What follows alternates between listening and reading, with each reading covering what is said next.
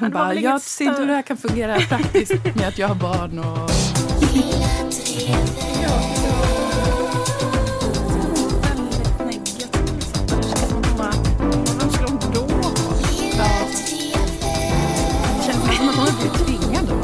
Känner mig skeptisk till att hon frivilligt hade ansökt. Det hade mer kunnat vara så att någon, de var tvungna att hitta en. Ja, ja, att hon fick ställa upp. Ja, Ja, det är det här Mark Levengood. Ja, Ja. Tro, hopp och kärlek. Jag var lite skakad efter att ha sett det. Ja, Måste vara tvungen att ventilera lite.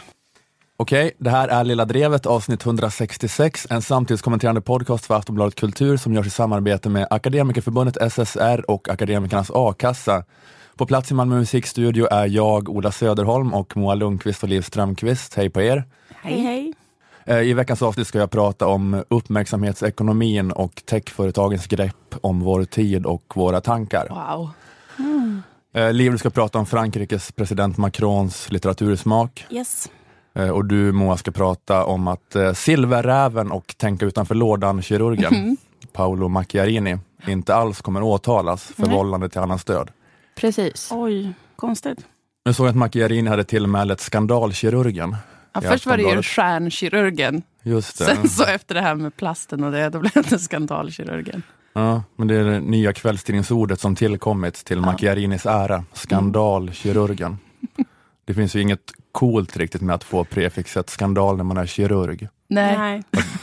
Att det är inte som skandalskådisen Lindsay Lohan eller skandalrockaren Pete Doherty. Nej. Att det är negativt men också lite trasigt vackert. Det finns ingen sån är av romantik kring skandalkirurgen. Nej, det är bara läskigt. Fredrik Strage kommer inte skriva en sån där krönika om hur legendarisk Paolo Macchiarini är. Han förknippas med kaos och uppror.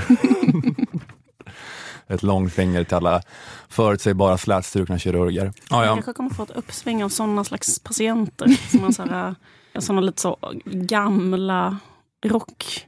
Mm. Som brukade vara rockrebeller eller något sånt. Men som är liksom lite över 40. Som vill ha en som vill, skandalkirurg. eh, operera in en plastbit i sin hals. Bara för att eh, liksom känna att de fortfarande lever och sånt. Mm. De är indie. Att det kan bli lite sån jag vill vara farlig subkultur. Mm. Ja. Kring sån här, honom. att sån här, den här grabbig nihilism, eh, humor på något vis och gå och låta sig opere- opereras av Macchiarini. Kanske. Att det, det är mörkt och hårt, det är så jävla ont. Att det är så här, Mm. ont som positivt till och med, eller som med black metal och sånt. Mm, ja, vi får se. Men mer om detta senare. Eh, vi kör väl igång veckans avsnitt. Eller just det, jag tänkte på en grej, jag tror jag kanske ska plugga nu. Aha. Jag börjar inse det att folk stänger av när de hör att vi börjar Just säga hej ja. då. Att det finns något eh, irriterande för lyssnarna men taktiskt med att plugga nu. Mm. Så jag bara säger, bara. tipsar om att jag ska ut och köra lite stand-up i november. Eh, Ola Söderholm-turnén, olasöderholm.se. Eh, slutsålda shower i, i Göteborg, och Stockholm och Uppsala. Men det finns extra föreställningar, så skynda er och köpa. Fåtal kvar i Malmö. Sen är det några andra eh, mindre städer också. olasöderholm.se, kolla där. Vill någon annan eh, slänga in någonting? Jag och Dilan kommer att göra våran podd på Henriksberg i Göteborg, 3 november. Då får man också komma. Mm. Det blir kul. Just Det det. känns som att vi ska sluta. Jag känner mig nervös. Nu går vi.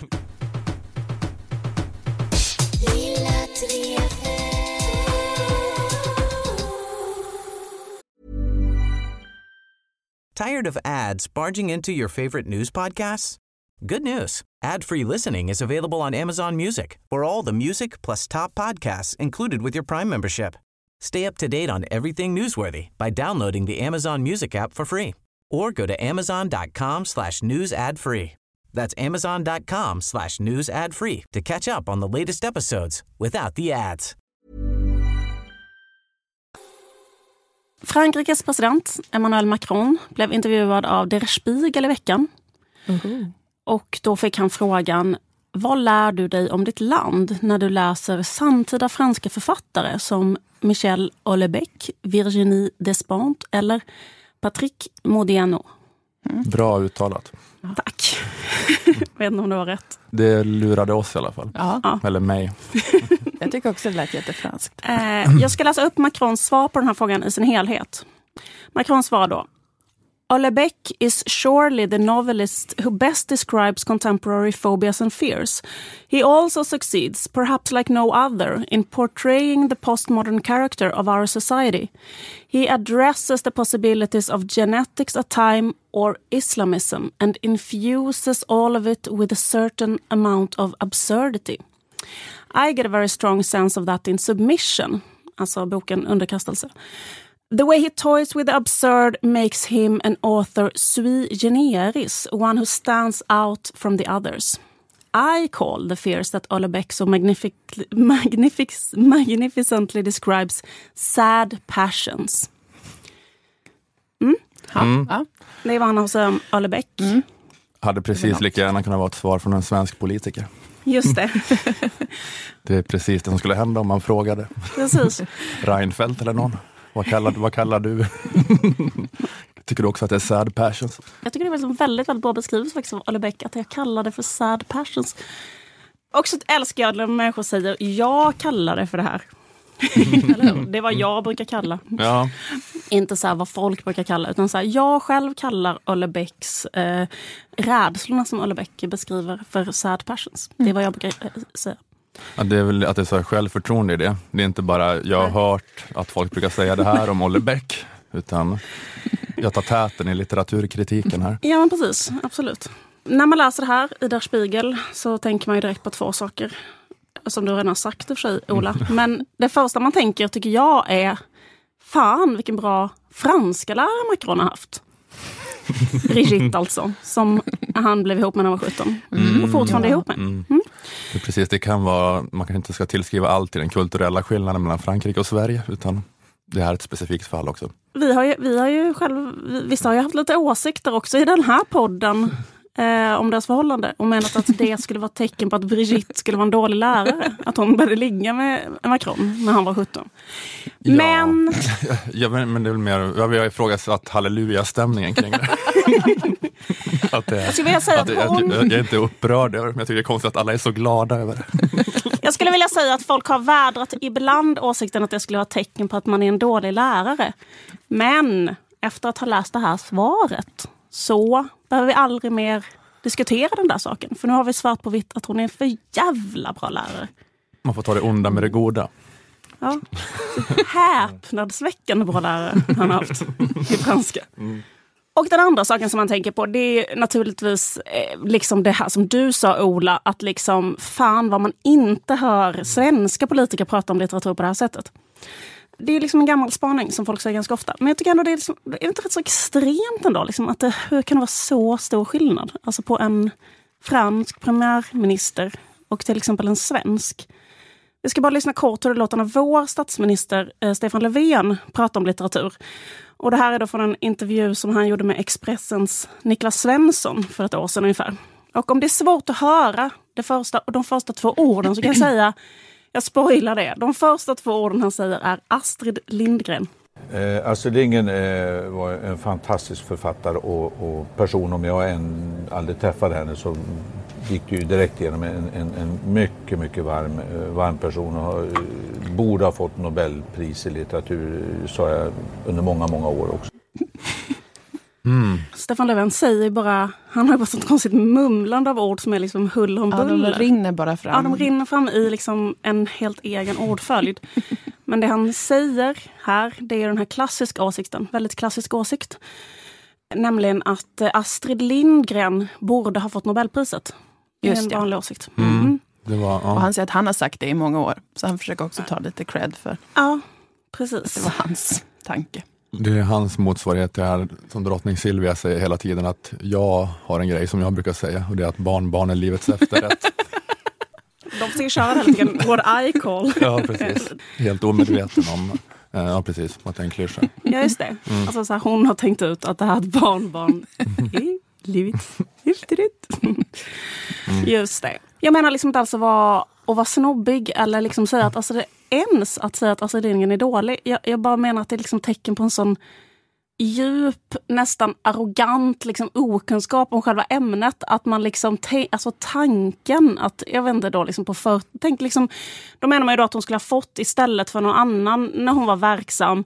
Tänk en sån person, eh, kanske som fick Nobelpriset 48, T.S. Eliot, eh, uppfann ju modernismen kan man säga. Vad gjorde Astrid Lindgren på 40-talet? Skrev Nils Karlsson Pyssling.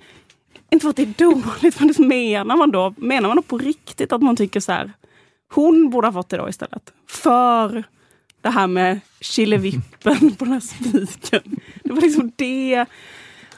Det är bättre än liksom vad William Faulkner, Jean-Paul Sartre, Nelly Sachs, de här människorna skrev. Hon skrev väl i sina brev att hon tyckte att det var fel med Hitler och sånt där. Ja, men då tycker jag att Katla, Nelly Katla var Hitler.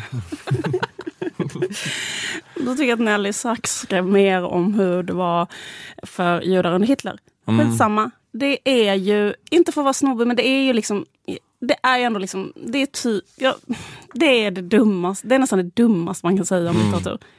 Precis, Att Astrid Lindgren borde ha fått Nobelpriset. det, är, det är en, exakt, det är enkelt, det är inte raffinerat utav dig eller oss att säga det, men faktum kvarstår ändå att det är debilt. Det är det, Det går, dummaste. det går det inte att är, kalla det något annat. Nej, precis. Det är i särklass det dummaste man kan säga om litteratur, trodde jag. Tills jag hörde följd, Niklas Svenssons följdfråga till Stefan Löfven. Därför att den här intervjun fortsätter. Det finns de som menar att de borde få det nu på Ja, stynt. det, hon kan, kan mycket väl få det på stumt därför att en, en som har betytt så mycket för så många generationer Alltså, det jävla dumt. Var, Varför? Eh, alltså, det, bara idén att man liksom skulle då upphäva eh, reglerna eh, för Nobelpriset och istället börja dela ut dem postumt, som Niklas Svensson säger, av skälet att ge det till Astrid Lindgren. Det är alltså en idé som vår statsminister Stefan Löfven förfäktar i den här intervjun. Och det blir liksom så här, för då gör man ju om det, för då sätter man ju inte bara Astrid Lindgren då i relation till liksom de som varit verksamma liksom sen Nobelpriset började delas ut. Utan då sätter man ju henne i relation liksom till hela världslitteraturen. Ja. Från tidernas begynnelse. Skulle man kunna ge Nobelpriset i litteratur postumt, vem skulle man då ge det till? Man skulle då inte ge det till Homeros till exempel. Skulle inte ge det till Shakespeare. Bara Astrid. Lindgren. Varje år får hon. Men vi tittar på de här tusentals åren och bedömer alla de här lika, likvärdigt. Ovidius, eh, Tol, Leo Tolstoj kanske, Virginia Woolf. Även i jämförelse med det så menar ju Stefan Löfven att liksom, det är så vi måste göra för att då ändå kunna säga att det är liksom när Madicken eh, får löss som är liksom det som vi borde premiera här. Ja, men det är exakt hur bra är det att först fråga Niklas Svensson, är det bättre än Nelly Sachs, Hemingway och T.S. Eliot? Så säger Stefan Löfven, ja det är det.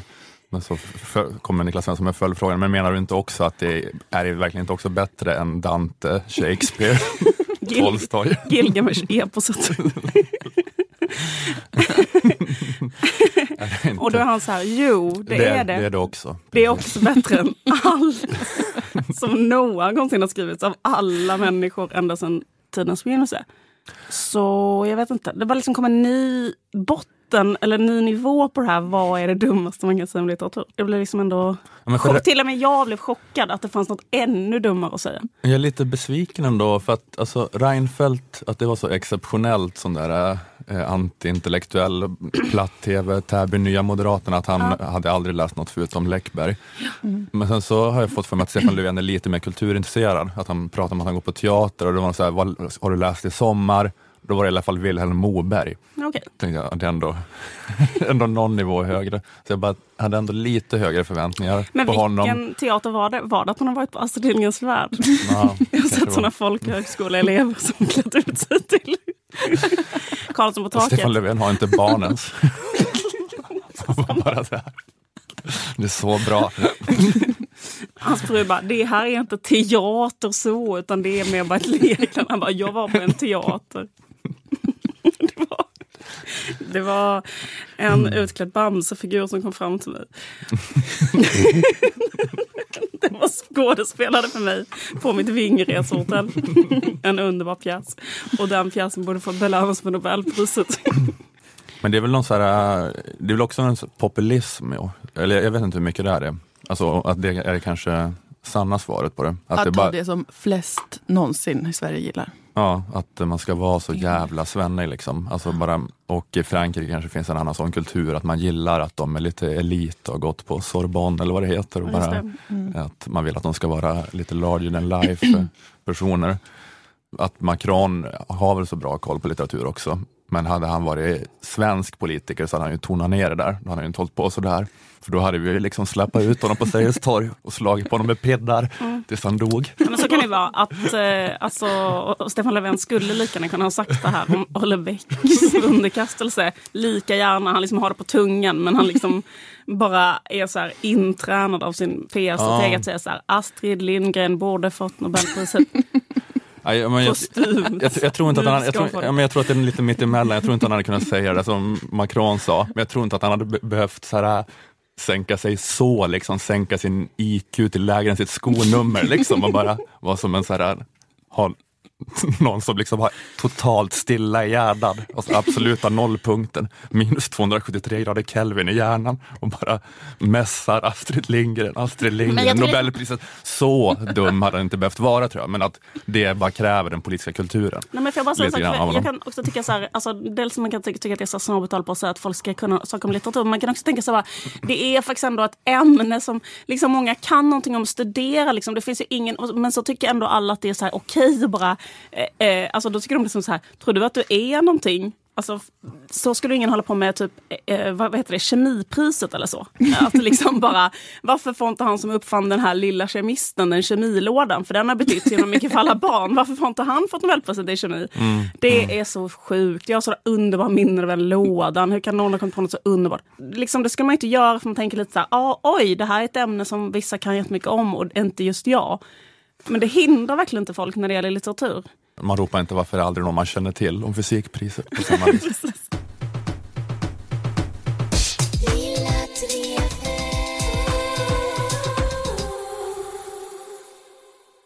Okej, eh, viktig information nu till alla glasögonormar och plugghästar som lyssnar på den här podden. Och det är många, Det verkar så. Ja. det är många. Med glasögonormar menar jag alltså akademiker, eller de som planerar att bli akademiker. Vi sponsras dels av Akademikerförbundet SSR, det är ett fackförbund och Akademikernas a-kassa, det är en a-kassa, hör och häpna. Sveriges största a-kassa, ett gott gäng på 700 000 medlemmar. Gå med du också. Det enda du behöver göra är att betala en medlemsavgift på bara 100 kronor i månaden och då får du upp till 20 000 i månaden när du står utan jobb. Akademikernas är för dig som har eller är på väg att ta 180 högskolepoäng alternativt 120 poäng med det gamla systemet. Läs mer på akademikernas.se om hur du gör för att gå med. Där finns även Akademikernas räknare där du genom att fylla i din inkomst kan ta reda på vad just du skulle få för ersättning. Akademikerförbundet SSR är det ledande fackförbundet för dig som är samhällsvetare, socionom, beteendevetare, personalvetare, ekonom eller folkhälsovetare. Som medlem får du del av SSRs inkomstförsäkring som om du skulle bli av med jobbet ger dig 80 procent av lönen på löner upp till 100 000 kronor. Du kan alltså få 80 000 i månaden på Akademikerförbundet SSRs inkomstförsäkring. Och det gäller även om du säger upp dig själv. Så du behöver inte då tvinga ungarna att sluta med hockey och ridning och du klarar av dina sinnessjuka bolån som du kanske har, Skönt. eller hur? Många av våra lyssnare bor i Stockholm till exempel. Och eh, Det här ska Har- inte bli en chans för era barn att äntligen få slippa hockeyträningen utan det kommer fortsätta ändå. Nej. ni har betalat 20 miljoner för er en och en halva i Aspudden. Men ni kommer klara de bolånen också och eh, köpa hockeyskydd med, med den här inkomstförsäkringen. Akademikerförbundet SSR finns på hela arbetsmarknaden och det betyder att du aldrig behöver byta fackförbund när du byter jobb. Eh, många byter ju till jobb i en annan sektor och då är det skönt att slippa byta fackförbund och ändå kunna få en bra lönerådgivning och juridisk hjälp och så vidare inför ditt nya jobb. Eftersom SSR finns på hela arbetsmarknaden och organiserar bara baserat på utbildning så kan de hjälpa dig oavsett. Ett fackförbund för hela karriären oavsett var karriären för dig. SSR tecknar kollektivavtal för sina medlemmar som ger dig årliga löneökningar, tjänstepension och mycket mer. Som medlem får du också personlig rådgivning i frågor om anställning, arbetsrätt och löner från experterna på SSR Direkt. Du får också tillgång till Sveriges bästa lönestatistik för akademiker, sak och lönesök. Samt att du då företräds juridiskt om din arbetsgivare håller på att dumma sig, bryter mot lagar och avtal och så. Du får också en värdecheck på 1000 kronor som du kan använda till personförsäkringar hos SSRs bolag Akademikerförsäkring. Studentmedlemskap i Akademikerförbundet SSR kostar 100 kronor för hela studietiden. De två första åren efter examen kostar endast 135 kronor per månad. Passa alltså på att gå med som ny på arbetsmarknaden. Läs mer och bli medlem på akademssr.se. Tar ni steget och med Akademikernas a-kassa och snedstreck eller Akademikerförbundet SSR tack vare den här podden så kan ni gärna meddela Akademikernas eller SSR det. Ni kan också skriva om det i sociala medier under hashtag Lilla Drevet.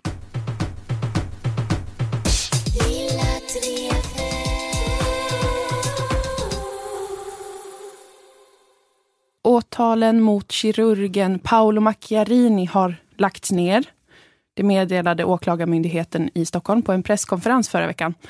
Förundersökningen har pågått då ett tag nu och den gäller då ifall den här kirurgen har gjort sig skyldig till grovt vållande till annans död och slash eller grovt vållande till annans kroppsskada här mm. i Sverige då. När han eh, höll på att operera på dödligt sjuka personer med ingen forskning som stödde operationerna, förutom sin egen påhittade forskning. Den stödde absolut allt han gjorde.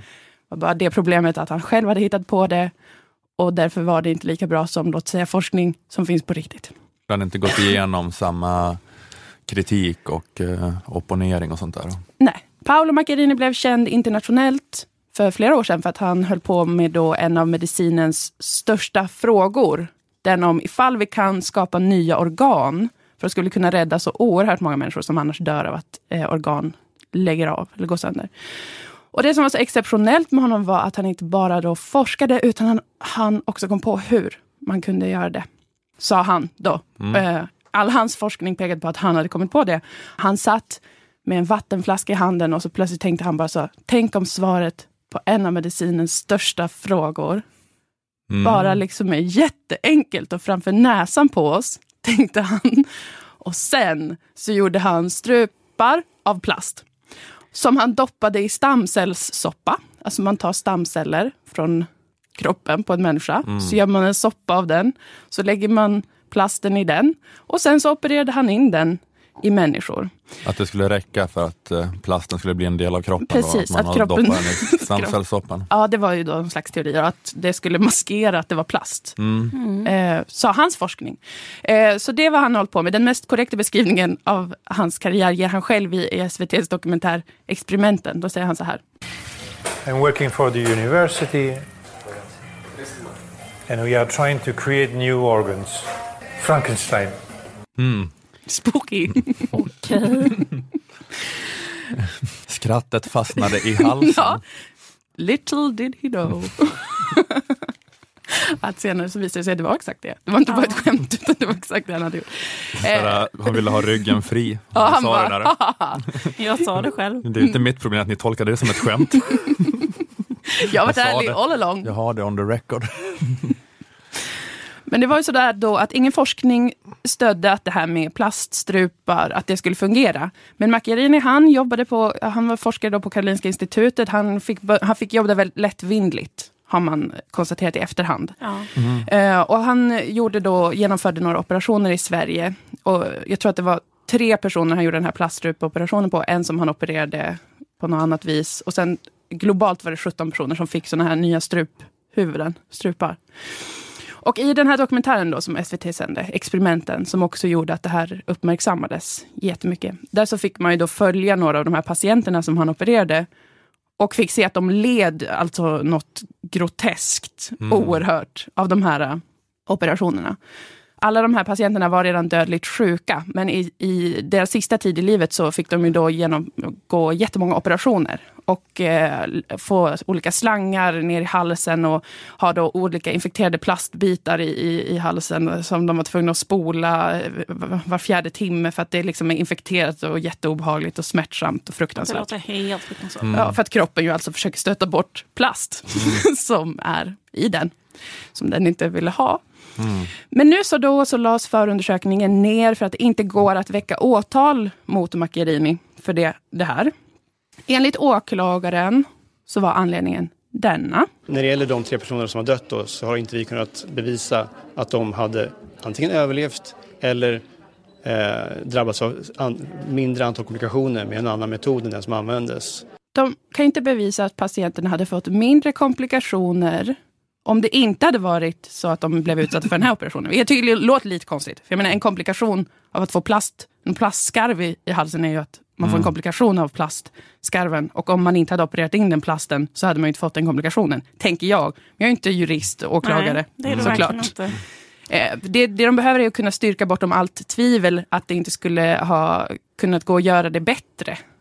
Mm. Och det kan de inte. Det är omöjligt att säga om det var rätt eller fel Ja. att operera in såna här plast i de här blödarsjukas hals. För vad kunde, om han inte hade gjort det så kanske något annat hade hänt som hade varit sämre. Det kanske hade kommit in en häxdoktor. De opererade in bara metall rakt av. Gjorde det. Vi vet inte. Nej. Det är svårt med juridik. så. Det är komplext. Och ingen får mejla och förklara hur juridiska saker går till. För att det är en mänsklig rättighet i Sverige att uttala sig om olika rättsfall utan att veta hur det går till. Och Men den det- tar jag tillvara på. Men det är att, eh, det, att de har så himla dåliga alternativ, Karolinska då. Så att det hade varit ännu värre komplikationer om de hade gjort något annat. Och, Ja, men jag, Ja. jag antar det, att de liksom inte kunde. annars hade de kommit in och lagt blodiglar på honom. Kanske. På, ja. Men det som hade varit annars hade varit att de här patienterna hade fått palliativ vård. Alltså vård i livets slutskede för att alla var döende. Sen så kom den här sköna killen och opererade alltså in plast i deras halsar utan att kunna ha någon forskning som stödjer det. Och sen så säger då åklagaren att det går inte att, att säga att något annat hade varit bättre. Eller Det hade inte varit bättre om här, din stora, min stora dag hade kommit in dit och Det hade väl varit Avicii hade kommit in och uppträtt för dem eller något sånt där som jag tänker händer på såna palliativa vårdavdelningar. Ja, det, så här, Avicii eller plast i din hals. det är så två så dåliga alternativ. Okej, och då, det fallet skulle vara hugget eller stucket. Man kan ju få träffa prinsessan Madeleine. Kan man inte få göra? Något sånt Ja. kanske.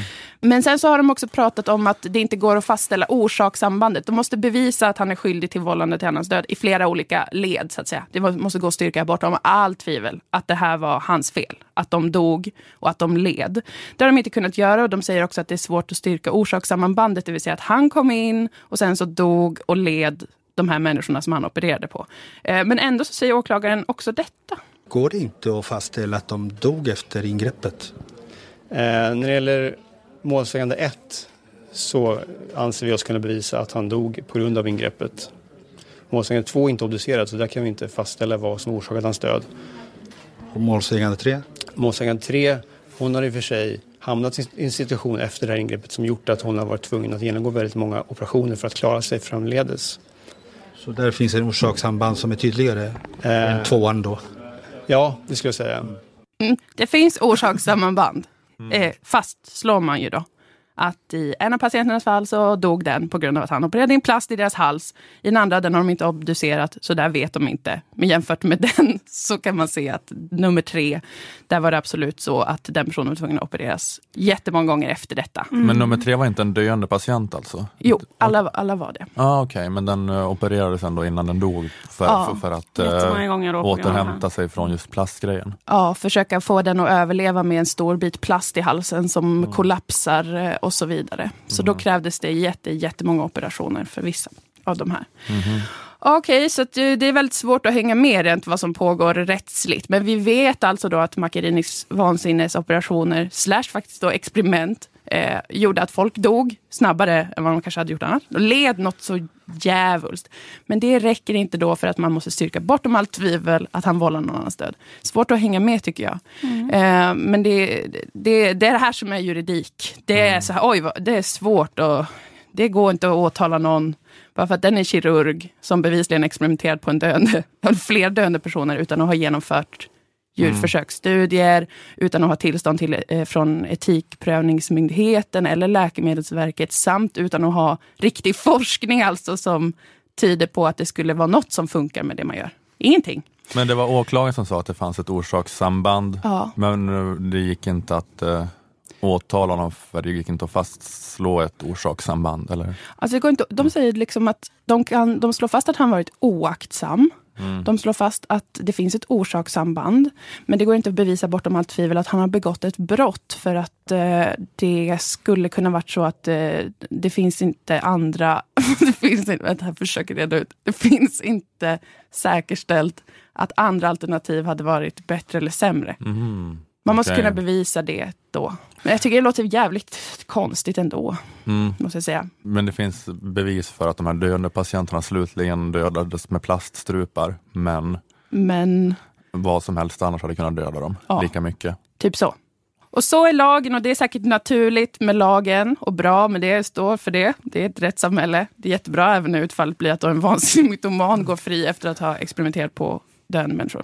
Jag stödjer det, självklart. Jag älskar ju rättssamhället. Ja. Men jag frågar mig ju ändå, finns det inget man kan göra då för att sådana här saker inte ska hända? Finns det då finns det liksom ingenting som vi någonsin kan göra för att skydda eh, människor från den här typen av eh, situation?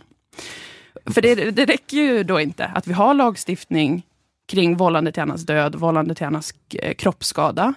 Mm. Vi kan inte skydda dem, offrenas eh, familjer kan inte få någon som helst upprättelse eller hjälp då. De kan inte få någon, vad heter det? Kompensation. Ja, Eller- de kan liksom inte, han är inte dömd. Nej. Eh, Det går inte då.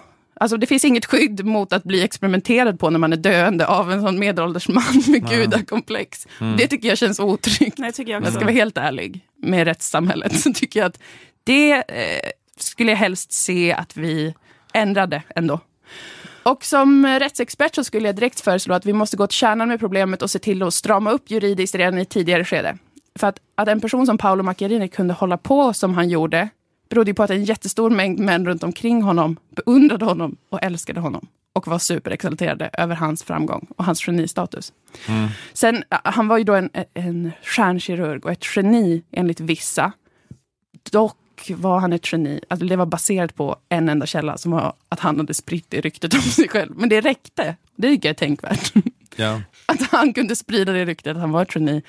Och då var det allt som behövdes för att tänka att han var ett geni. Men så mycket liksom älskade alla honom ändå. En karismatisk man med italienska kläder som kom in och bara, här har ni ett geni. Och de bara, ja, det ser jag direkt och känner direkt av din energi, Paolo. Skrek alla på KI. Tog in honom och så fick han jobba och hålla på hur mycket som helst.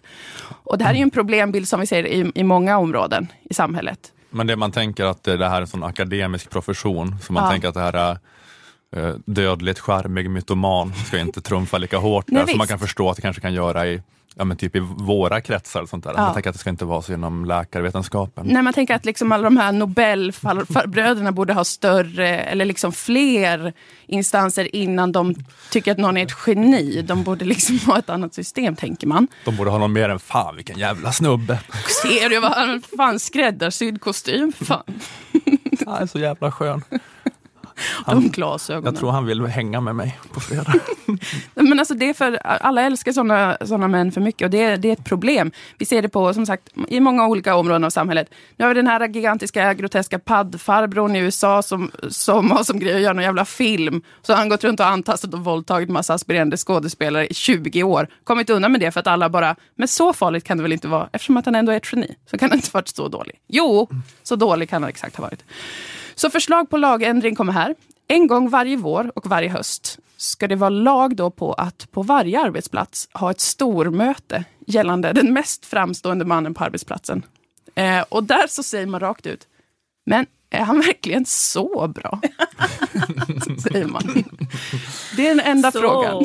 bra. Han är verkligen så jävla, jävla bra på allting. Ja. Det är den enda frågan på dagordningen. Och sen så tar man en eller två dagars betänketid. Under den perioden så får den här framstående, eller flera, om det kan finnas fler på en arbetsplats. De får sitta och nervöst vänta och vara osynliggjorda. Liksom under ett par dagar. För det är bra för moralen. Att Ja. bli lite osynliggjord. Det är min starka Känns övertygelse. som att han skulle behöva en nej-sägare någonstans. Mm. Ja men precis, och sitta och känna sig lite så här, eh, som att ingen riktigt pratar med honom på en hel dag. Det hade antagligen knäckt och då hade man direkt kunnat se vilka som knäcks direkt av det. Det är ju inga genier som inte ens står ut med att ha lite tvivel i sina liv. Och så sen så gör man det här att som sagt en gång varje vår och varje höst. En slags ritual där man dubbelkollar, speciellt då alla som verkar vara någon slags geni. Och det här är inte jantelagen eller något sånt där. Utan det här är mer för att förhindra att alla blir helt hypnotiserade av olika såna här män. Och är de genier som sagt så klarar de ju det. Att sitta i två dagar och veta att alla på arbetsplatsen går runt och tänker, men är han verkligen så bra? Man har inte sådana diskussioner i små grupper då? Eller något sånt Nej, där. utan inför man går, alla. Man, ja, precis. Men jag bara tänker att alla går runt och tänker. Men man, Ja. man har inte en sån, eh, man skulle kunna ha en runda eller... Jo men så kan det också vara. Det får man ju utforma ut efter sin arbetsplats också, vad Mm. som känns bäst. Och så sen så, ja som sagt, de som är riktigt bra på sina jobb och riktigt allt det här, de kommer ju klara av det. De kommer vara så säkra på att säga, ja men jag har gjort jättebra forskning. Och alla kan läsa den om de verkligen vill se hur bra jag är. Men de som inte har forskat något, de kommer ju sitta där och kallsvettas. Paolo till exempel. Hade man ju kunnat liksom sätta dit i tidigare skede. Om det nu ska vara så att det är helt omöjligt att, att, att fälla någon eller åtala någon överhuvudtaget efter att den har gjort det. Så tänker jag att det här skulle kunna vara e- ett juridiskt förslag som jag slänger in i samhället. Att det ska bli ett tillfälle att kolla under ytan då, ifall det Ja. finns substans i att någon är bra. Ja, och om den är så Mm. bra att det är värt det liksom Mm. också. Bara så att man får reflektera, man tar lite tid ur, ur arbetsveckan för att reflektera. Är den så bra att det är värt att den inte verkar ha skrivit någon forskningsrapport nu på 20 år? är den så himla bra kille? Till exempel. Ja, just det. Han gör så jävla bra Borat-imitation. Men är den så bra? När vi är i fikarummet. Så bra. Det. Men om svaret blir ja på att han är så bra, Ja, ja, fast då gör det ingenting för då är det någon som är bra på riktigt. Så Precis. då kan han få tro det. då är det antagligen någon som skulle stå ut med också att liksom alla runt omkring under två dagar vänder sig emot den. För det gör ju inte såna här totala eh, narcissister och mytomaner och liknande. De skulle få panik. va? Två dagar, gå runt och knacka alla på axeln. Säg vad du tycker. Tycker du att jag är så bra som jag säger att jag är? Så länge. Jag är nästan säker på att det är vattentätt, ett vattentätt sätt för att, att detektera de här personerna.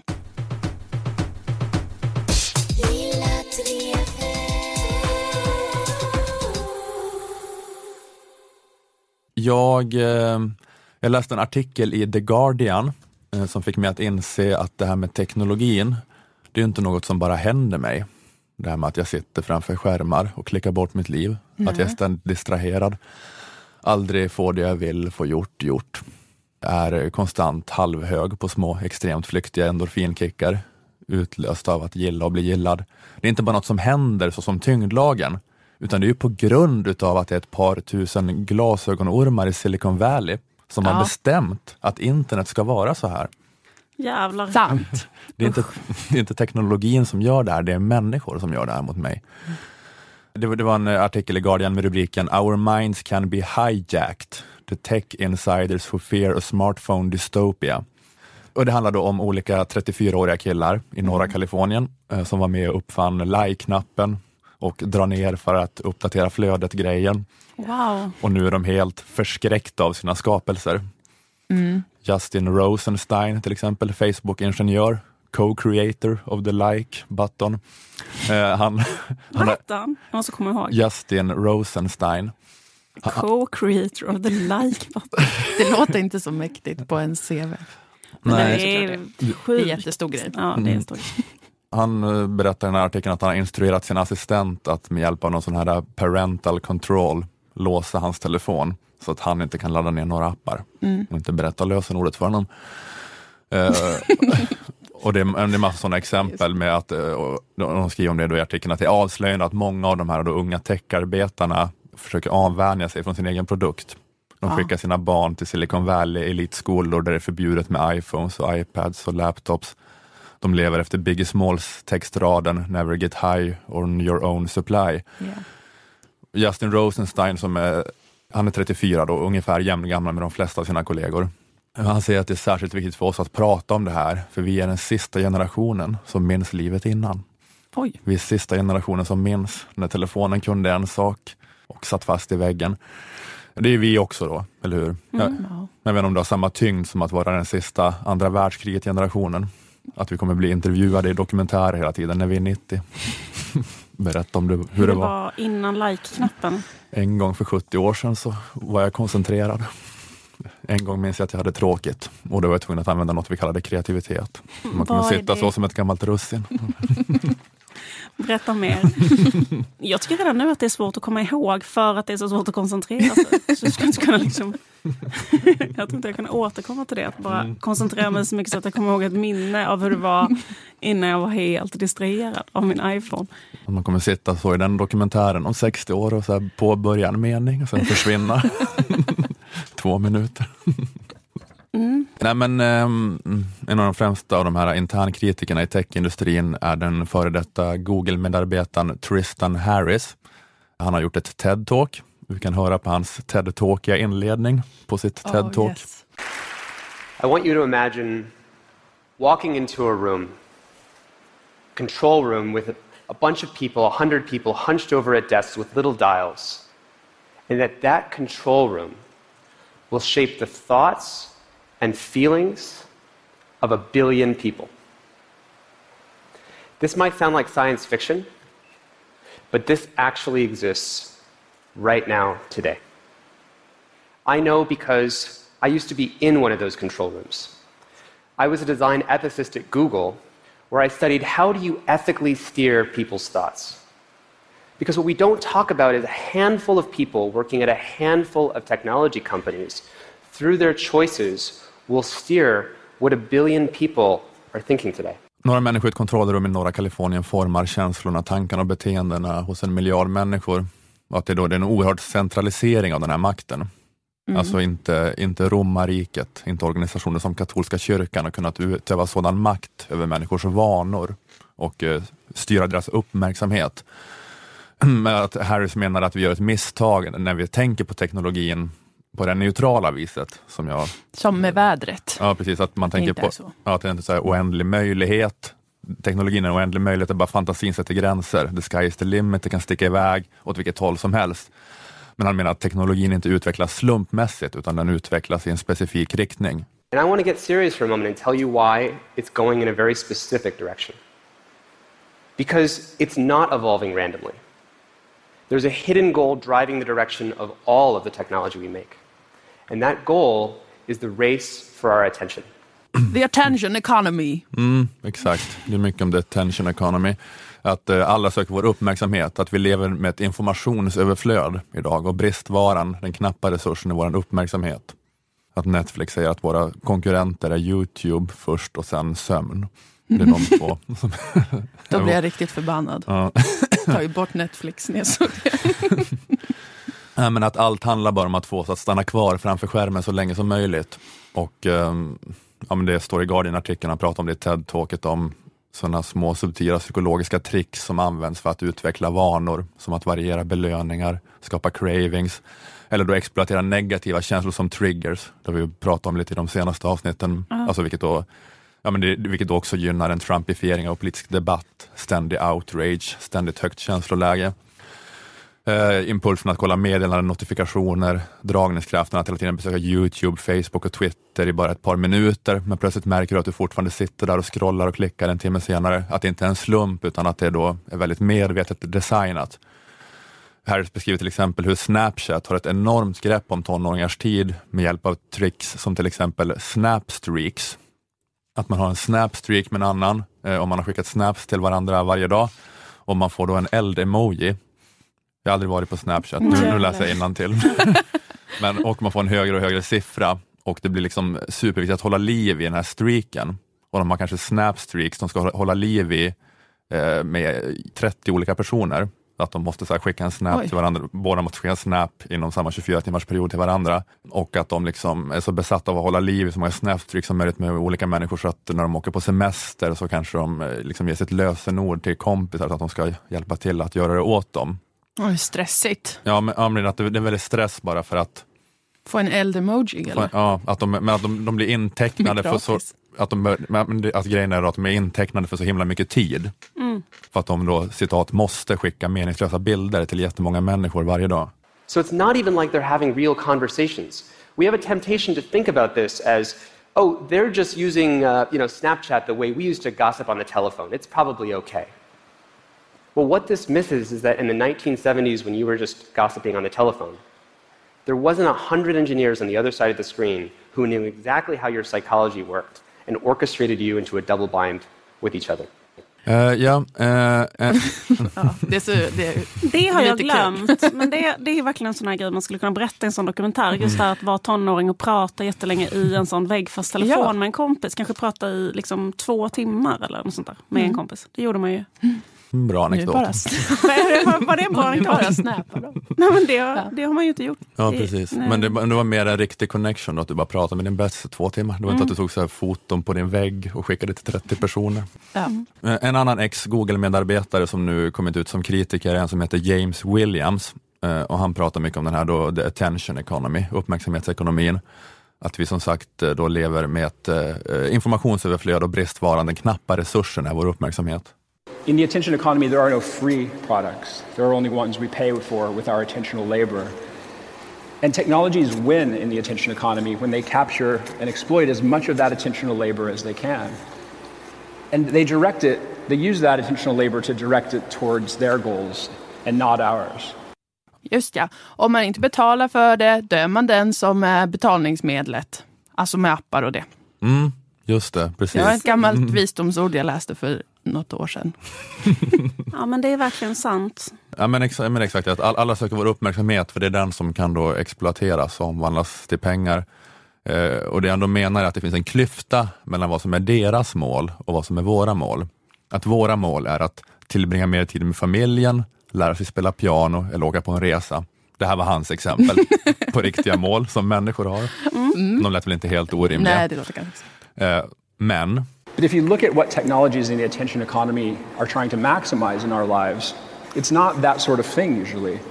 Instead, it's usually things like getting us to spend as much time with them as possible, or to click or tap as much as possible, or to see as many ads or pages as possible.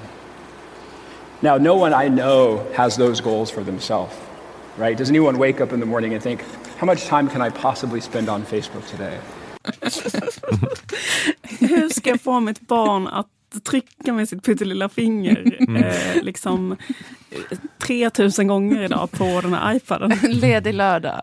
ska Hur ska jag kunna liksom optimera det? Ja precis, ja men det är väl eh, självklart på ett sätt känns det det han säger, men han menar bara då att det är ett stort moraliskt problem. Att uh, den obekväma sanningen om uppmärksamhetsekonomin är att dess teknologi inte är på vår sida, utan den är ofta snarare en motståndare. Deras mål är inte våra mål. Uh, deras mål är distraktioner från våra mål. Det som alla vi säger i alla fall är våra mål. Och det är motsatsen till vad teknologi borde vara menar han, att det ska vara ett hjälpmedel för att kunna göra det man vill göra det man vill ännu bättre och ännu effektivare. Men att eh, i det här, i, det här, i många fall blir det då motsatsen. Och det handlar väl om att internet är reklam, helt enkelt. Mm. Eh, att vi vill gärna eller se på den här teknologin som att det är ett neutralt hjälpmedel, men det är reklam, eller kanske inte är reklam, men det är koloniserat av reklam. Advertising as an industry has essentially colonized the internet and turned it into a large scale platform uh, for industrial strength persuasion of measurement, optimization, targeted message delivery. And this is the way that we're monetizing most of the information in the world now.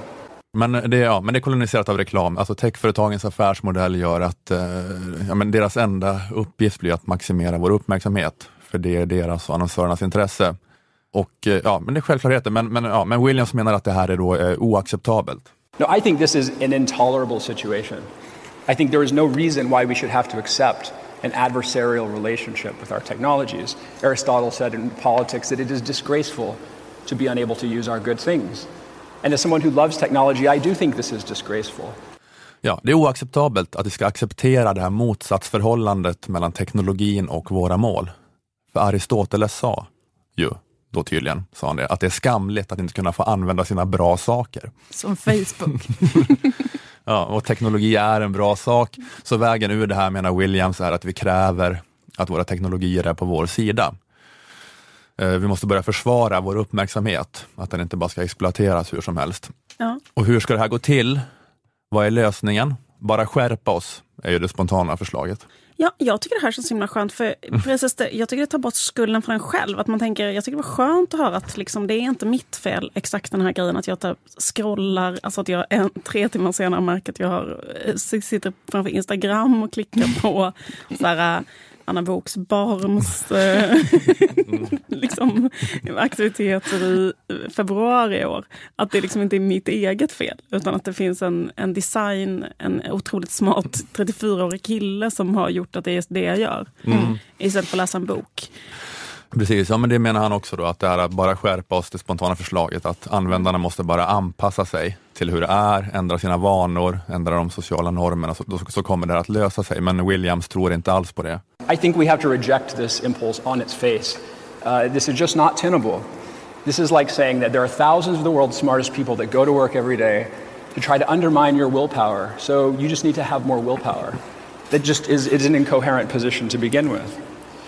Världens smartaste människor jobbar dag och natt med den senaste teknologin för att Humble underminera brags. din viljestyrka. Ja. Så du måste bara ha mer viljestyrka. Det är en ohållbar hållning då, menar han. Så det funkar inte. Att smarta människor jobbar med att underminera ens viljestyrka, alltså det känns väl på ett sätt lite grann som vad reklam alltid har varit. Ja, det är ju inte helt nytt. Det är väl lite definitionen av reklam nästan. Men det är bara då att möjligheten att göra det, att underminera vår viljestyrka med hjälp av de här nya teknologierna som vi lever med från att vi vaknar tills vi somnar, att det, är liksom, det är bara på en sån stor, så mycket högre nivå. Liksom. Det är en sån eh, omfattning av det och man kan göra det så subtilt och, liksom, och skräddarsytt så att, att det blir bara på en annan nivå. Men han tror inte då liksom på den eh, lösningen att eh, det bara handlar om att folk anpassar sig eller skärper sig.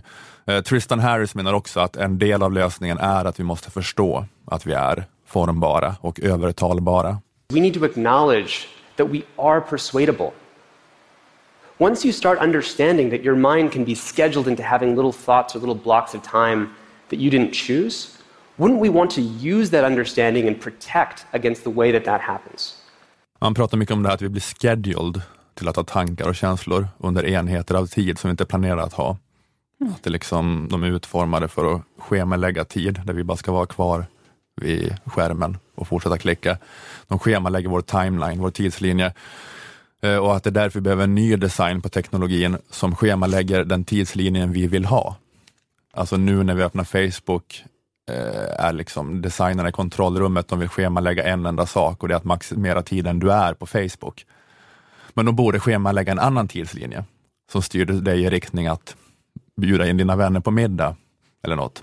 Ja, men så efter TED-talket blir han intervjuad på scen av någon TED-gubbe som frågar om, eh, han frågar då eh, Harris om, är det så att vi har en naiv modell över hur den mänskliga naturen fungerar? Att sociala medier har algoritmer som är fantastiska på att optimera vårt flöde utifrån våra preferenser. Men vilka preferenser är det? Att det finns preferenser som är saker vi verkligen bryr oss om, om vi tänker på dem. Och sen finns det preferenser som är det vi bara instinktivt klickar på. Och att den här mer då nyanserade bilden av en, vad en människa är och vad den vill, att det borde återspeglas i designen, i techdesignen.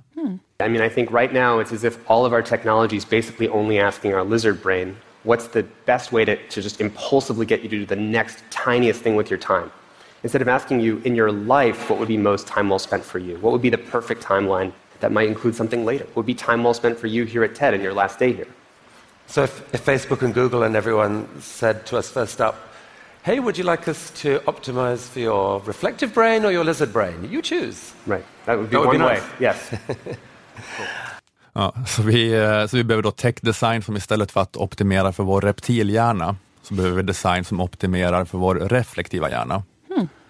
Att jag vill att eh, teknologin, de tjänsterna och apparna jag använder, ska planera en tidslinje för mig som optimerar möjligheterna för mig att gå David Harveys onlinekurs i marxism. Ja. Läsa kapitalet med David Harvey vill jag göra. Ja.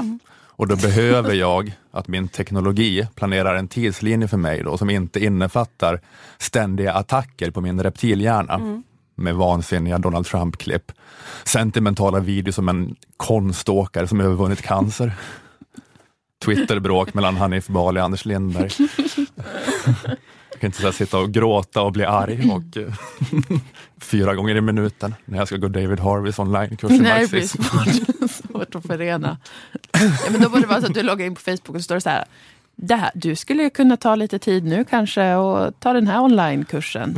Och inget mer. Ja, just det, precis. Bara en Det påminnelse. går om- inte att klicka på något annat. Det var den texten. Är det bara vitt och så är det bara jättestor text. Nu skulle du kunna öva på pianoläxan. Det blir så jätteprätt och uppmaningar. Gå en promenad i solen. Det är som en sån, eh, precis, det är som ens mamma sa till en innan. Så du får inte förrän du har övat på pianoläxan eller lärt dig ett nytt instrument eller tränat. Eller, Först då kan du se dina notifikationer. då kan du få titta på Martin Melins Instagramkonto. Ja, men hur ska det här gå till då? Eh, hur ska man uppnå den här mera då, eh, designen som mera eh, reflekterar våra verkliga djupare Mm. behov. Mm. Det verkar som att de här eh, Silicon Valley-entreprenörerna och numera dropoutsen från Silicon Valley, att deras idé är full communism. Jaha, gick de dit bara direkt? Kanske inte, eller kanske inte riktigt, men, eh, men Tristan Harris säger så här. is we need new models and accountability systems. So that as the world gets better and more and more persuasive over time, because it's only going to get more persuasive, that the people in those control rooms are accountable and transparent to what we want. The only form of ethical persuasion that exists is when the goals of the persuader are aligned with the goals of the persuadee. And that involves questioning big things like the business model of advertising. Mm, vi behöver en socialisering och demokratisering av techföretagen. Det är väl ungefär det han säger. Jag vet inte hur man, annars man ska tolka det. Ja, det var precis. Han sa ju eh, inte skulle, att han ville ha det som i Sovjet. Utan han sa att han ville ha demokrati och en ifrågasättande av reklam. Ja. Ja, men också att människorna i kontrollrummen måste börja ansvara inför oss. Då. Just det. Att vi som är de som övertalas måste vara med och utforma hur vi ska övertalas. Eh, eh, men Den andra killen, James Williams, menar också att vi måste ifrågasätta etiken, alltså inte hos individerna som gör den teknologin, utan etiken i hela infrastrukturen Mm, det är ett stort jobb. och affärsmodellen. Ja, men att den här eh, att de liksom, de kan inte spela något annat spel än vad de gör, de här 34-åriga techgenierna. eh, För att aff- affärsmodellen är som den är och eh, det är annonsörernas mål och företagets mål som, som de måste Ja, följa. precis. Men att den här då infrastrukturen måste vara mer i linje med de djupa mänskliga målen, menar han Williams också. Och vad är det för något som behövs för att uppnå det, enligt honom? Nu är det lite långt klipp här, men If you go to what back to what I said earlier about one way to describe what we're doing when we give attention to a product is we're doing attentional labor. Every time we give attentional labor, we're paying for the product. And so when we look at this as labor, then we can formulate the nature of the problem here as twofold. One is that we're getting poor value for our attentional labor. And the second is that the conditions of our attentional labor are poor. And so, throughout history, when people have been faced with a similar situation, what they've done is always to organize, to create new mechanisms of collective representation so that they can collectively negotiate with the powers of their time. But today, there is no mechanism like this. There is no way for you to have a direct voice in the design of the technologies to which you entrust your life every day. So, what I'm, I think is needed is something like a labor union for the workers of the attention economy, which is to say, all of us, a democratic institution that doesn't just advocate for you, but actually represents your interests so that you can have a voice in the design of technologies, so you can trust but also verify that they're on your side, so that you can be confident that when you spend your time with them, that that will be time well spent. ja, vi behöver ett fack. Vi behöver För organisera oss oss. som är inne på Instagram. Vi är slavar på uppmärksamhetsekonomins bomullsfält. Vi jobbar alla gratis då åt amerikanska jätteföretag. Ja, Vi ger, ger Facebook, Twitter och Instagram vår uppmärksamhet och hjälper till att fylla dem, deras sajter med innehåll också, så att de blir attraktiva att besöka och deras aktier går upp. Det är inte produktivt att sitta och trycka på sin smartphone. Man bara, eh, jo, jag håller på att bygga upp världens snabbast växande företag. Det går bra kan man säga. Det är bara det att jag inte får ut något av det. Förutom ständigt retad reptilhjärna då. Men precis, för han sa så här, innan när folk har blivit exploaterade på arbetsmarknaden så har de startat en, ett, en fackförening. Det är så det har Mm. gått till. Mm. Men problemet med oss nu som är de här arbetarna i attention economy, det är att vi har inget attention span och kan inte koncentrera oss. Så vi kommer, vi liksom är, kommer inte kunna starta en fackförening. För att vi har inte tid att ha vanliga sociala kontakter med folk och eh, eh, skulle inte ha tid att gå på ett möte för att vi skulle fastna i någon Alltså skulle vi organisera oss så skulle det vara via sociala medier och om då, och det är ju våran motparten då så att säga. Så att de skulle, då har ju, de, kan ju de sitta och sabotera vår organisering, Precis. allt vad de kan. Att nu liksom bara kastar vi distraktioner på de här som håller på. Jag försöker liksom skapa ett fack här, ja precis. Så att, eh, ja, det, är en svår fiende på så svårt. vis. Att eh, vi måste använda dem, vi måste använda det de kontrollerar för att besegra dem. Mm. Känns svårt att få till. Ja. Men det är, det, det är det värsta jobbet i mediebranschen där i alla fall. Att det klagas kanske på otrygga anställningsvillkor på produktionsbolag och sånt. Men att Facebook har en miljard obetalda praktikanter som gör allt jobb åt dem. Ja, men det är väl bara, men det är intressant bara att det är, eh, att det är något speciellt, alltså att det de säger är så på ett sätt så självklart, men att det bara är så att det är hela, det är hela, allas hela våra liv. Och att vi borde kanske bara kräva då att det inte ska vara reklam. Jag vet inte, att, det, att den här teknologin borde vara något neutralt hjälpmedel eller, eller kanske snarare ett hjälpmedel som är optimerat för att hjälpa oss. Att det borde vara någon del av någon så här äh, offentlig sektor snarare, någonting som är ja, som inte är en del av marknaden. Jag vet inte. Men man kanske Mm. skulle kunna starta ett eh, kommunist-Facebook eller någonting där man skulle kunna organisera. Mm. Det kan heta det. Eh, kan, finns det ingen sån 34-årig kille De här som killarna borde ju vilja lyssnar? fixa med De det. borde ju De verkar ju vara superinne på att hitta något annat. Ja. De har ju börjat göra det jättemycket i Silicon Valley och anlita olika filosofer för att hantera alla de här frågorna. Jag har följt dem för jag har tänkt, jag har tänkt det de gör måste man också göra. För de är rikast och mäktigast. Och allt. Ja. Mm. Så du har också tänkt anlita en filosof? Mm. Det Ja, tycker men vi har jag tagit också- bort alla notifikationer och allt sånt där och, inga, och bara en app. Wow, berätta mer. Jag tog bort alla notifikationer så att det inte dyker upp, så att man inte går in av den anledningen. Ja. Sen har jag på min mobil inget som plingar till förutom när det ringer och sms kommer. Vi hörde också ett rykte om att du har mutat alla dina vänner på Facebook. Ja, Stämmer det? jag har, inget hem, jag har inget flöde på Facebook för jag har mutat alla förutom mamma och pappa och mina systrar. alltså inte för att jag hatar andra människor men bara för att det inte ska vara någonting där när jag loggar in. Ja. Förutom alltså meddelanden har jag ju kvar. Jag har ju kvar Messenger Mm. och mejlen. Och sen har jag Twitter på datorn. Så jag kan gå in och vara på Twitter när jag har datorn. Mm. Men eh, det funkar ganska bra. Sen har jag ingen skärmtid. jag har haft begränsad skärmtid. Har jag haft. Fast Mm. inte så här eh, bara en timme åt gången. Men kanske inte innan klockan nio på morgonen, inte efter klockan nio på kvällen. Mm. Lite tips, men då är det ju ändå bara... eh, Då håller du på med din egen willpower och Ja. lyckas ändå. Precis, eller det är ändå- liksom det är bara- Till en viss gräns. Mm. Men jag tycker också att eh, jag kommer vara med också i den här fackföreningen om någon startar den. Ja, ja, men jag med. Man ska inte behöva hålla på med sånt själv. Mest det jag tycker att det är kul. För det är kul att se hur jobbigt det blir om man bara inte gör det. Alltså för att det hela tiden utgår från så här, eh, det är jobbigt om jag inte är där. Det är jobbigt om jag missar det här. Det är så det lockas, att man går in Ja. hela tiden. Så här, vad händer om jag inte vet det här? Men då kan man ju bara vara så här, vad händer om jag inte vet det här? Och så upptäcker man, det händer ingenting. Nej, men, sen- men sen är det också att det är en sak att du kanske kan klara dig själv och inte ha så mycket skärmtid och inte liksom känna dig så eh, utmattad av de här distraktionerna hela tiden. Men, eh, men det är också, det är, bara, det är bara en del av problemet, men det de pratar mycket om är också problemet på makronivå, på samhällsnivå. Ja. Att det styr hur, liksom, ja, men hur hela diskursen är, hur alla pratar med varandra, hur den politiska debatten är. Att det här eh, sättet att kontro kontrollera våran uppmärksamhet liksom, gynnar de här frågorna, att det är det här alla måste prata om och så vidare. Mm. Så att eh, ja, men det kanske, vi behöver koncentrera oss jättemycket för att lösa klimatfrågan, liksom, men vi är ständigt distraherade. Mm. Och också, sen är det också något där med att, eh, att det inte vara på eh, använda de här teknologierna. Det är ju inte liksom samma sak som att inte använda de här teknologierna innan de fanns. Nej. För att nu är det ju också folks liv.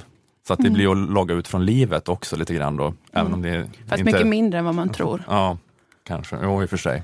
Jag Mm. tänker också att det finns inte någon typ av grej att det kan backfire. Alltså jag tänker så liksom att folk liksom gick på reklam på ett helt annat sätt för liksom när reklam kom. Alltså bara tv-reklam och sånt där.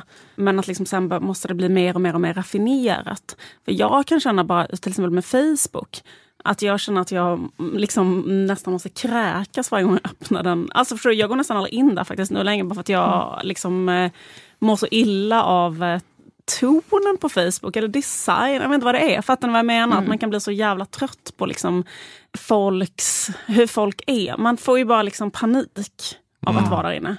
Och därför så kanske man, eh, alltså att det på det sättet, fast det kommer bara leda till att de gör något ännu mer raffinerat så att man inte kan bli trött på det. Men det kanske är i och för sig det här att det ska vara så, liksom kittla reptilhjärnan så mycket hela tiden så att man hamnar lite grann då, om man kommer till punkten och måste fatta ett beslut, då man antingen bara stänger av det helt eller liksom bara sitter där maniskt och ångestklickar. Liksom. Ja. Men det är också ofta den här grejen att det, liksom, att det liksom hängs upp på en krok av att det är behjärtansvärt. Alltså så, så är det verkligen också för att väcka känslor. Eller jag tänker bara på just den här grejen att det är man själv som fyller sociala medier med innehåll. Som till exempel den här kampanjen nu som har varit den här hashtag metoo. Så har liksom mm. fått liksom alla kvinnor på hela jordklotet att gå in och liksom berätta om eh, sexuella övergrepp som de har varit med om. Och det är förutom att uppmärksamma fenomenet sexuella övergrepp så finns det också en annan en, eh, ett, ett skvallervärde i att höra kända kvinnors mm. eh, värsta upplevelser till exempel. Eller eh, kanske till och med finns en eh, pornografisk dimension i det. Alltså, fattar ni vad jag menar? Mm. För det är något kittlande att höra en eh, eh, slags berättelse som man kan få en bild i huvudet. Alltså så, här, så att det finns liksom bara så jävla många lager i själva berättelsen som gör att liksom de här senaste dagarna så har det varit så himla mycket att folk har liksom varit inne och varit engagerade i detta och fått jättemycket mm. känslor. Men just att det är kvinnor själva som har arbetat med att ge allt det här innehållet då till, till internet som förmodligen mm. ägs av en gubbe som är exakt som Harry Weinstein. Så blir man rövknullad igen av en sån gubbe. Så det är så här, man kan inte vinna, det är det som är så jävla bittert. Ja, men, det, men det är väl bara, jag vet inte, att det, det är konstigt att det inte är mer av en diskussion att det som är hela våra liv idag, att vi inte bara funderar på vad det är för intressen som ligger bakom det och varför inte det varför vi, varför vi bara accepterar att det är som det är. Och inte ja, men jag tänker att fler måste börja härleda ja. sin ångest till sina sociala medier. Det händer ju ändå mer och mer. Att mm. det börjar vara så jag blir stressad av det, jag sover sämre om jag varit inne på, på de här, jag jobbar sämre, allt sånt. Mm. Men eftersom att är, jag tänker att den allmänna bilden har varit att det är någonting som är så himla självklart, eller det är liksom mm. ingenting som man väljer eller väljer bort, så har det inte heller varit en sån diskussion kring det. Typ att det här får faktiskt mig att må dåligt. Man kan inte härleda det till det. Nej. Men det börjar ju hända nu mycket, mycket, mycket mer. Att folk är så här, jag blir typ utbränd för att jag är inne på det här hela jävla tiden. Mm. Men, sen, men också då att det är så att man kanske säger det, ja men vad fan de är ju bara privata företag. Facebook, Instagram, Twitter. Det är klart att de bara försöker maximera sin vinst, maximera hur mycket du använder dem. Så det får du bara acceptera och du får liksom skärpa dig och inte använda dem ifall du tycker att du mår dåligt av det. Men när något är på den här nivån, när något är så stort i våra liv, börjar det kanske bli tveksamt om man bara kan säga att ja, men det ska bara få vara några privata företag som har den här makten. Nej. Att det inte ska demokratiseras på något vis.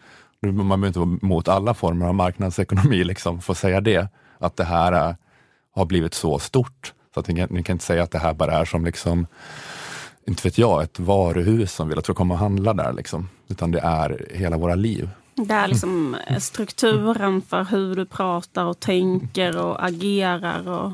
Mm. Det är inte som Elgiganten.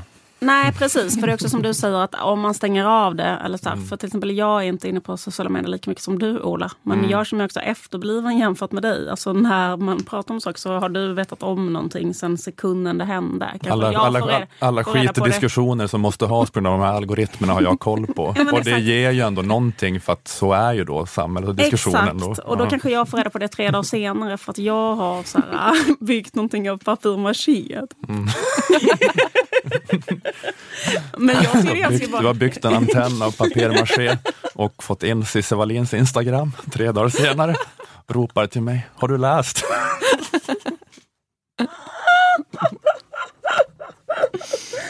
Exakt.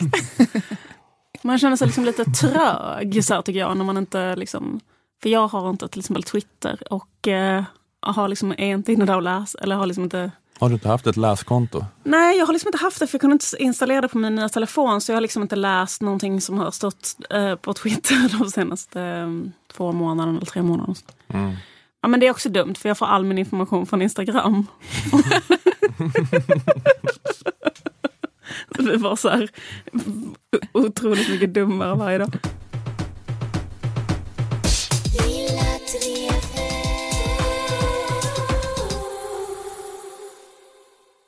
Det var allt för den här veckan. Vi finns på lilladrevet.se och vi har en Facebook-sida. Oh, vi säger tack till Aftonbladet Kultur, Akademikernas A-kassa, tack till Akademikerförbundet SSR, eh, tack till Malmö musikstudio där vi spelade in. Jag heter Ola Söderholm, ni heter Liv Strömqvist och Moa Lundqvist. Lilla Drevet är tillbaka om en vecka igen. Hej då! Hej då!